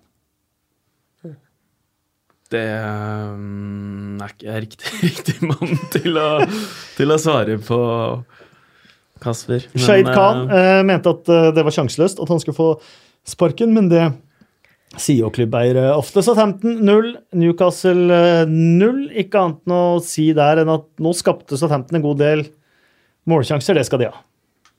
det skal de absolutt ha, og Moe eh, hadde vel den største. Eh, og han burde jo, burde jo Spilt spilt, men, men det er litt sånn Ja, hadde han gjort hvis han hadde hatt sitt første mål og altså han vil, ja. Det tenkte jeg også. Et lag i medgang der hadde skåra 1-0, Ja. for da hadde han dytta han. Han har fortsatt uh, noe å bevise og er sikkert uh, høyt uh, Så det der går seg til. Det er ikke um, Jeg tror ikke han er helt orientert der heller. Plutselig er han alene igjen. Nei, og så er det noe med også. kropps... eh, eh, kroppsposisjonen, da. Eh, å få snudd seg helt rundt for å legge på Mm. tvers. Jeg vet ikke om det hadde vært helt fysisk mulig for han, eh, for han der heller. Nei, så det er eh, i og for seg Ja, du, du kommer igjennom der og, og er ikke helt orientert eh, med at du har en medspiller og du trenger ditt første Premier League-mål og, og det Ja, sånn er det. Men Newcastle må jo bare De har ikke en avslutning på mål. De har faktisk de har tapt eh, med treningskamper nå, så så har de ikke vunnet siden de slo St. Patrick i juli. Altså De har 15 kamper uten seier. Så det er Mark Ashley på match igjen. Han er på alle kampene. Og etter å ha vært eh, fraværende nesten i halvannet uh, år. Jeg vet ikke helt hvordan man skal tolke det. Vi går over og gir uh, blomster og kaktuser og slikt. Det var moro å se på. Morata var kjempegod. Hva i all verden? Han snakka ikke om seg sjæl, han snakka om dommeren. Da begynner vi på ukens, eller rundens, eh, blomst. Simen Fjellbakk vil gjerne nevne Gini Wijnaldum. Fantastisk sesong så langt. Tatt enorme steg siden forrige sesong, og rett og slett en nytelse å se han spille fotball. Eh, Benji, eh, Victor Lindeløv med nok en god kamp. Uniteds beste mot Juventus. Holdt den gode formen gående mot Everton etter en skuffende start i United-drakta. Syns jeg svensken fortjener en blomst etter en oppløftende uke for han personlig. Dette trengte han. Eh, Stein Are Selemyr, på tide med bukett til Mignolet. All motgangen han har hatt den siste tiden, og likevel klubbens største fan på sosiale medier. Lagspilleren sin, det. Har dere noen kandidater til blomster? Men du kan starte, du, Line. Ja, så må jeg, bare si, jeg må bare si også at Vi har fått veldig mange sånne forslag på, på Lester-ting. Leicester-ting. Og det tenker jeg det legger vi unna denne, denne spalten her. Vi får legge det på fotballen eller på Jeg, jeg syns jo eh, også at det er litt morsomt når vi først er inne på sosiale medier, da, så syns jeg det er litt funny med disse her beefene som er, eh, med litt sånn Lovren som får unngjelde, og at James Milner, som jo egentlig altså med tillegg har kontoen Boring James Milner oppkalt etter seg, helt ufortjent, da, tydeligvis. Ja, for han er ganske morsom. Han er jo kjempemorsom. Alle bør følge den ekte James Milner, og Boring også, for den del. er Kul, den. Men eh, jeg syns jo at sånn sett så kunne jo like gjerne han fått en blomst for å skape litt moro. Mm. Eh, uten at det på banen nødvendigvis var veldig sterkt over denne runden her, da. Eh, men Wijnaldum kunne vært med på i en blomst, altså. Jeg stemmer på Glenn Murray for 100 mål. Ja, Det er min blomsterbukett denne gangen. Ja, den er, eh, den er fin, den. ja det er mange, mange, er mange som fortjener en eh, kvast etter eh, altså denne runden her. Det var mange som var gode. Dubravka også, for Newcastle holder nullen. og han Han, er et kjempeskup. Så mm, Men eh, ja, jeg backer deg på den. Ja, Blomster Barkley også, sånn bitte liten kvast, eller? Er Ja, han kan få dele litt med Murray. Han kan få én en, sånn enerose, rose, og så kan. Murray få buketten. Enig. Ja. Uh, ukens ukjente, eller rundens ukjente helt, der har jeg faktisk en eh, god kandidat, uh, føler jeg. Uh, en som det var stilt enorme forventninger til da han var unggutt, uh, som kom til Bournemouth. uten at han slo til direkte, sleit litt med skader og sleit litt med å tilpasse seg.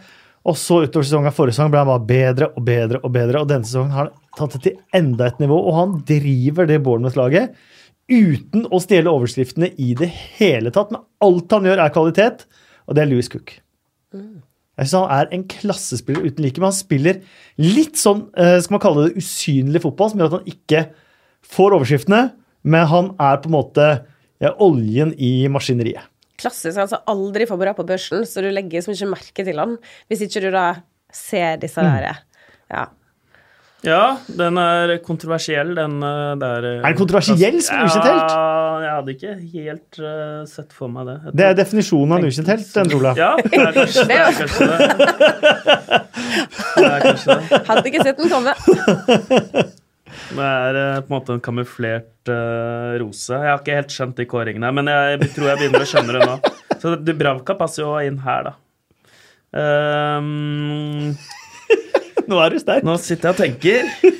Jeg er veldig glad for at du tenker, for jeg har ingen forslag. Hvis jeg kan liksom trøste deg litt, da, så er jeg helt eh, ingen ukjente helter.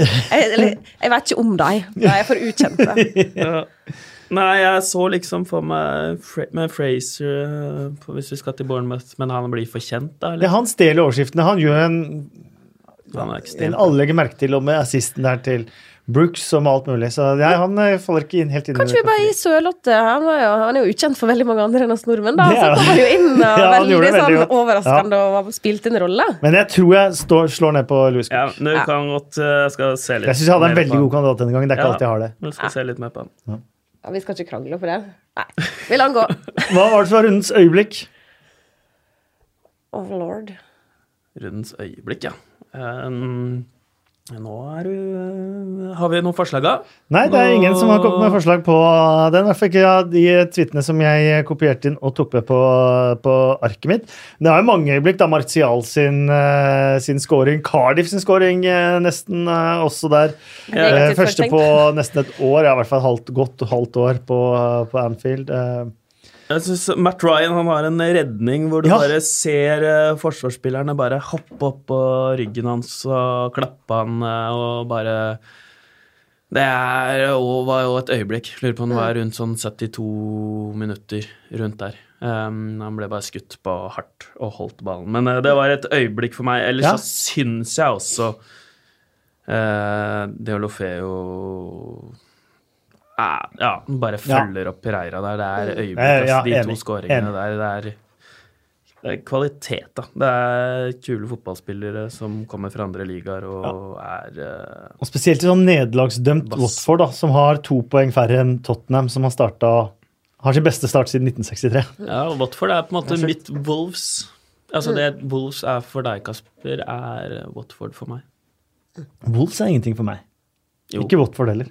Jo, du har sittet og hauset det Wolves-laget fra Jeg har hauset det fordi det er bra, et, bra, et bra lag. Ja, ja, ja. Men du liker Wolves. Skapfan. Ikke godt- Espirito Santo. Hvis jeg bare sier de øyeblikkene som ga meg liksom gåsehud, da Det liksom Ja, det er være jo øyeblikk. Det er jo det som er øyeblikkene. Og jeg må jo si at til tross for at noen vil hevde at det var keepertabbe, så frisparkmålet til Arsenal Ja. Er det bare For det er sånn her solid altså sånn Krysskudd er alltid deilig. Du Mm. Ja. blir litt sånn her Det er sjukt digg eh, å se. Og We så have ignition. ja, men det er jo et eller annet der, kanskje om og om, om igjen. Og så i samme kamp igjen, det skjedde jo så mye der. Ja. Hensen er jo for meg også et øyeblikk, eller Ja. sånn hele det målet, med liksom én centimeter og en, en hens. Eh, og så på liksom minus, eller på litt mer sånn funny, da, altså Lovren som bare tryna, og Firmino som helsparka, siden jeg jo ser mest på Ja. Liverpool, så må jeg ha med noe derfra. Ja, da har vi kåre igjen. Ja, da lander jeg på mm, Deolofeo. Det blir kanskje litt sånn, ja. Ja. Klarer du å være enig? Eller setter du inn vetoen? Du kan eh, kjøre veto, altså.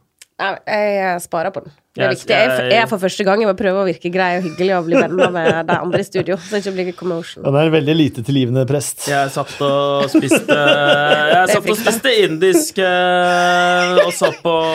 Arsenal når eh, Chaka på, på pub, og når jeg så Sjaka score, og da satte jeg jo indisk det som maten i, eh. I halsen. Linken på Linken Torshov. på Torshov. De Det er en fantastisk eh, Indisk plass og fotball, fotball? faktisk. Mm. Så det er bakgård. Mm. Mm. ja. Indisk og fotball. Ja. Så da satte jeg maten i halsen. Linken på Torshov, dere. Og sa til en kompis av meg som jeg satt og så kampen med, det der er det sjukeste jeg har sett. Men herregud, da er jo det øyeblikket, da. Da vet du, du det sjøl. Ja, ja, fint. For det var egentlig det. Ja, men da er vi et øyeblikk. Det ble sjakka. Jeg kom over Ja. på din side. Nydelig. Deilig. Uten, ser du, han kom opp på min side uten at jeg gjorde Man må bare kjenne etter. Det er litt sånn derre Hvor er det du eh, nådde ditt følelsesmessige klimaks, på en måte? Ja. Den runden her. Og det var der. Ja, men det var det. Deilig, det. Nydelig. Oh, yes. Eh, Jeg er med på den. Jeg hadde også et følelsesmessig klimaks på, på den. Ukens uh, kaktus. Abubakar Kamara, er for meg helt åpenbar. Det er ja, nå, jeg skal ikke si at det er den drøyeste filmingen jeg har sett på lang tid, for at uh, The Potter sin filming mot eh, Burnley var uh, nøyaktig samme, men det er pinlig møkkaforsøk på filming av Abubakar Kamara. Jeg vet at William også filmet, men den her var mye verre. Altså, det er selvfølgelig dritt, eh, og filming aldri greit, eh, men den trippinga til Pogba Jeg kommer ikke unna den, altså. For jeg blir mye mer flau. Og, hvis, og, og sikkert og litt sånn her eh, Men kom igjen, da! Så jeg blir ikke sint, da, for så vidt. Så sånn sett er det kanskje mer sånn Hvis det skulle vært en sånn pinlig sak, jeg vet ikke hva det skulle vært. En sånn irriterende rododendron. Ja. Noe sånt. Min rododendron går til Pogba, da. Men jeg, skal, jeg kan godt ta en sånn filmekaktus. Det er alltid greit, det. Det er ikke du enig i, Endre Olav, for du syns filming er det beste. Jeg syns ikke det er noe verre enn uh, holding.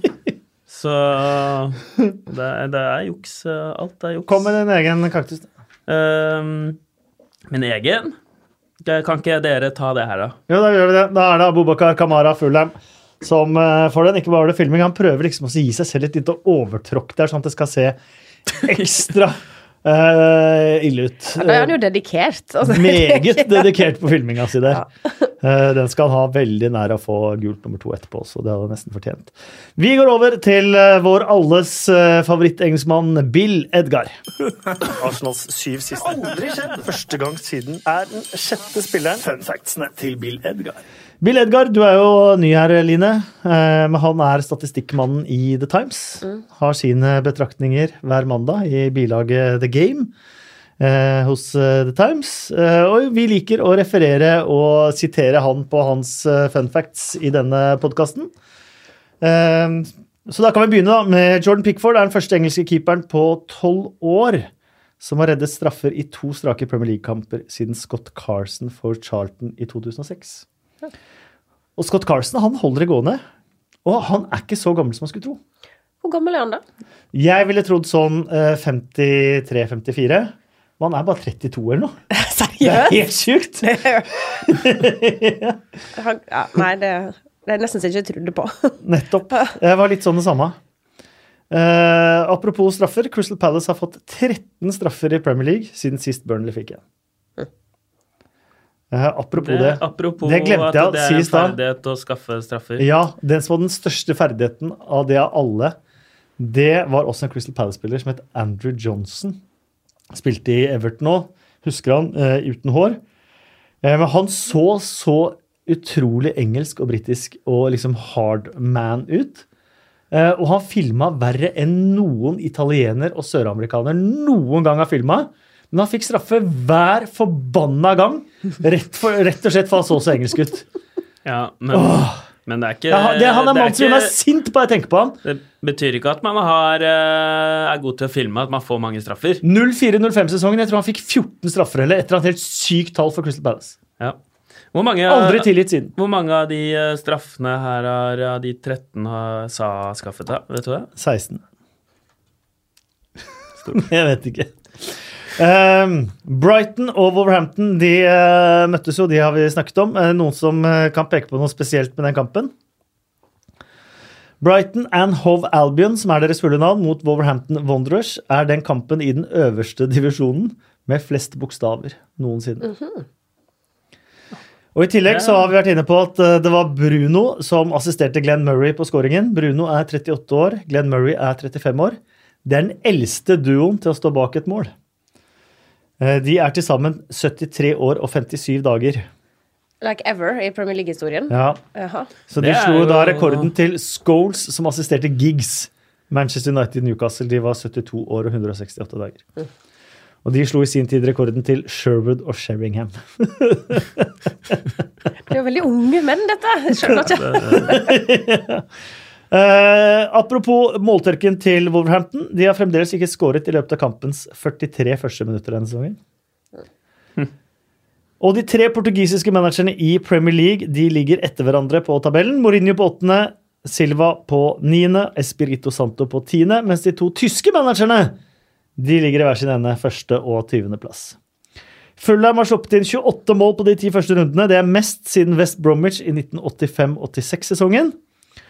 Og det er første gang noen gang i historien siden 1888 at hele fire lag står uten hjemmeseier etter de fem første rundene. Huddersfield, Southampton, Palace og Newcastle er fortsatt ikke vunnet hjemme. Det var Bill Edgar. Ja. Vi går over på Twitter. Og da har jeg lyst til å starte med Leeds sin tweet. Var det noen av dere som så den? Nei. Den var fantastisk. For Neil Niall Horan, popstjerne, tidligere One Direction, han tvitret 'No one likes Leeds'. Eh, Leeds svarte da fra sin offisielle konto 'No one likes your solo career. Bring back One Direction'. Leeds, ass. er nydelig. Jeg elska den, jeg. Ja, det er stort. Lars Bø spør på Twitter ofte roper supportere 'skyt', særlig når laget jakter scoring. Fins det tall over hvor mange prosent det blir mål etter en slik situasjon og spilleren velger å skyte? Og der var vel eh, Erik Thorstvedt inne på noe i Premier League-studio eh, i forbindelse med Huddersfield mot Liverpool. For han fant fram et par sånne langskuddssituasjoner og hadde funnet på XG hvor stor prosent sjanse det var for mål. Og det lå vel på mellom 3 og 5 gjorde det ikke det? Det er godt mulig. Ja, det lurer jeg på da. De roper jo ofte 'skyt' litt tidlig, syns jeg. Ja. Sånn fra 35 og inn. ja. Det er uh, Så det er ikke Jeg tror ikke Nei. Det kan umulig være noe høyere. Anders Ole, siden du nevnte QPR sist i Premier League-podkasten, så har vi faktisk vunnet sju kamper, to tap og to øvrigt. Takk for at du nevnte oss i forbindelse med økonomiske problemer og elendig start. Snakk gjerne litt om hvor ekstrem forvandlingen har vært, og det kan jeg faktisk gjøre. Um, jeg så matchen mot Aston Villa. Jeg kan ikke si at det var 100% fortjent hjemmeseier, men jeg husker veldig mange som slakta Steve McLaren i starten av sesongen. Han var sjanseløs, ante ikke hva han dreiv med. Verste manageren var bare å få ut, var sjanseløs, dette ble nedrykk. Det var ikke måte på hvor ræva Steve McLaren eh, var, og QPR, under de forutsetningene de har hatt, eh, både med tanke på eh, manglende eh, midler til forsterkninger, eh, at de har råtna litt på rot, hele laget, mange ting. Eh, Så har de eh, gjort det veldig veldig bra. De har et par veldig spennende unggutter. I Esse er kanskje den mest spennende. De har henta inn sin eget produkt på, med på keeperplassen, Lumley, som har vært veldig god. Og de har blitt Loftus Road har alltid vært det vanskelige stedet å spille innbiller jeg meg, for de aller fleste lag. Men eh, jeg er veldig veldig imponert over Coopyard, og de har litt den der gritten som man har savna fra Coopyard. Den har de nå. Eh, Nå er de vel på plassen under playoff, og det er sterkt med det laget. Jeg kan bare si, eh, Dette er en litt fun fact og veldig lite relatert til nåtiden, men jeg har alltid hatt en liten crush på QPR. Ja, siden jeg har lest fine drakter og Ja, sokkerne sokkene er vel stadion. kuleste sokkene. Ja, eh, og så må jeg også name-droppe da Arvid Sjoner, som var den gamle travjournalisten i Adresseavisen. Han var hardcore QPR-supporter, og så hørte han at det, jeg og mamma snakka liksom varmt om QPR, da. Og da gikk han hen, og så fikk vi julegave av Arvid Sjoner. Han pakka inn en QPR-lue som han fikk til jul. Så vi går med den av og til, men mest i skogen. Eh, men så er jeg veldig glad for å høre QPR. Så ringer den andre. Jeg skal juble for QPR. Altså. kulturklubb, det, da. Med Bradley Allen og Les Ferdinand og Andy Sinton og Ray Wilkins. Det er utrolig mange kule spillere som har spilt i Ja, QPR. utrolig mye bra der. Ja. Så nå har de funnet tilbake. De har hatt mange stygge drakter de siste sesongene. Men nå har de funnet tilbake til litt 80-tallsdrakta med tjukke, blå og hvite striper med litt rødt i. Jeg syns det er veldig veldig fint. Dere husker drakter med Guinness på? Ja, ja. Oh. Jørgen Stenbro, dersom Tom Davis og Jeremina starter for Everton, vil det da være første gang en tegneserieduo spiller sammen i engelsk seriespill Tom og Jerry? Eh, det kan jeg aldri tenke meg at det er, men jeg har eh, ikke tenkt over eh, noen andre varianter før jeg så tweeten nå. Eh, har dere gjort? Nei, jeg har heller ikke sett den før nå. Ellers så skulle jeg selvfølgelig sau med fart, og det er jo garantert noen der ute som klarer å komme opp med noe. Men Kjør to PL-pod og kom med Det er jo litt sånn McDonald uh... er det en tegneserie? ja, Donald. Men kanskje for ikke. Det er mye å ta av her, altså. Mickey Mikke og Donald? Ja, Tommy og Tigeren. Tommy og Tigeren hadde vi jo i Norge. Ja, ja, Tommy Syndal Larsen og Kjell Roar Kaasa, var det ikke Ja, det? jo. Det var Tommy og Tigeren. Så Husker du sett- serieåpninga i 1995, da TV 2 sponsa Stabæk, og Tommy Svindal Larsen spilte med TV 2-tallet på ryggen i serieåpninga før de fikk nei fra NFF med å gjøre det? Nei. Det, Den drakta der må jo være et klenodium verdt titusenvis av kroner. Ja. Men Vi- eh, så det kan umulig være første gang. Det tror Men ikke jeg jeg. liker, liker, eh, liker at det er det. Altså hvis det er det. Helt enig. Eh, Da avslutter vi podkasten med fem kjappe spørsmål. Det ligger i ordlyden at det er fem kjappe spørsmål. Jeg skjønner ikke at du føler Nei, at du må jeg, liksom jeg ser egentlig på Endre Ola. Jeg føler meg like truffet hvis det Hvilke lag blir topp fire i år? Eh, Arsenal, um, Liverpool, uh, City og Chelsea. Ja. I den rekkefølgen. Nei. Nei. Vinner Arsenal-ligaen? Jeg var rask. Nei, Chelsea. I, altså, i motsatt oh, ja, du tok fra fjerdeplass. Jeg starter med Og du starta med fjerde. 4, 3, 2, 1. Nei da. Liverpool City, Chelsea, Arsenal. Hvilken manager får sparken først? Åh. Mm. Jeg hater sånn managersparking. Jukanovic er vel den som ligger nærmest. Wagner, ikke bra. Rafa Benitez. Ja, Rafa får nok ikke den eh, Wagner Nei, for Rafa Benitez må betale Nei, åssen er det?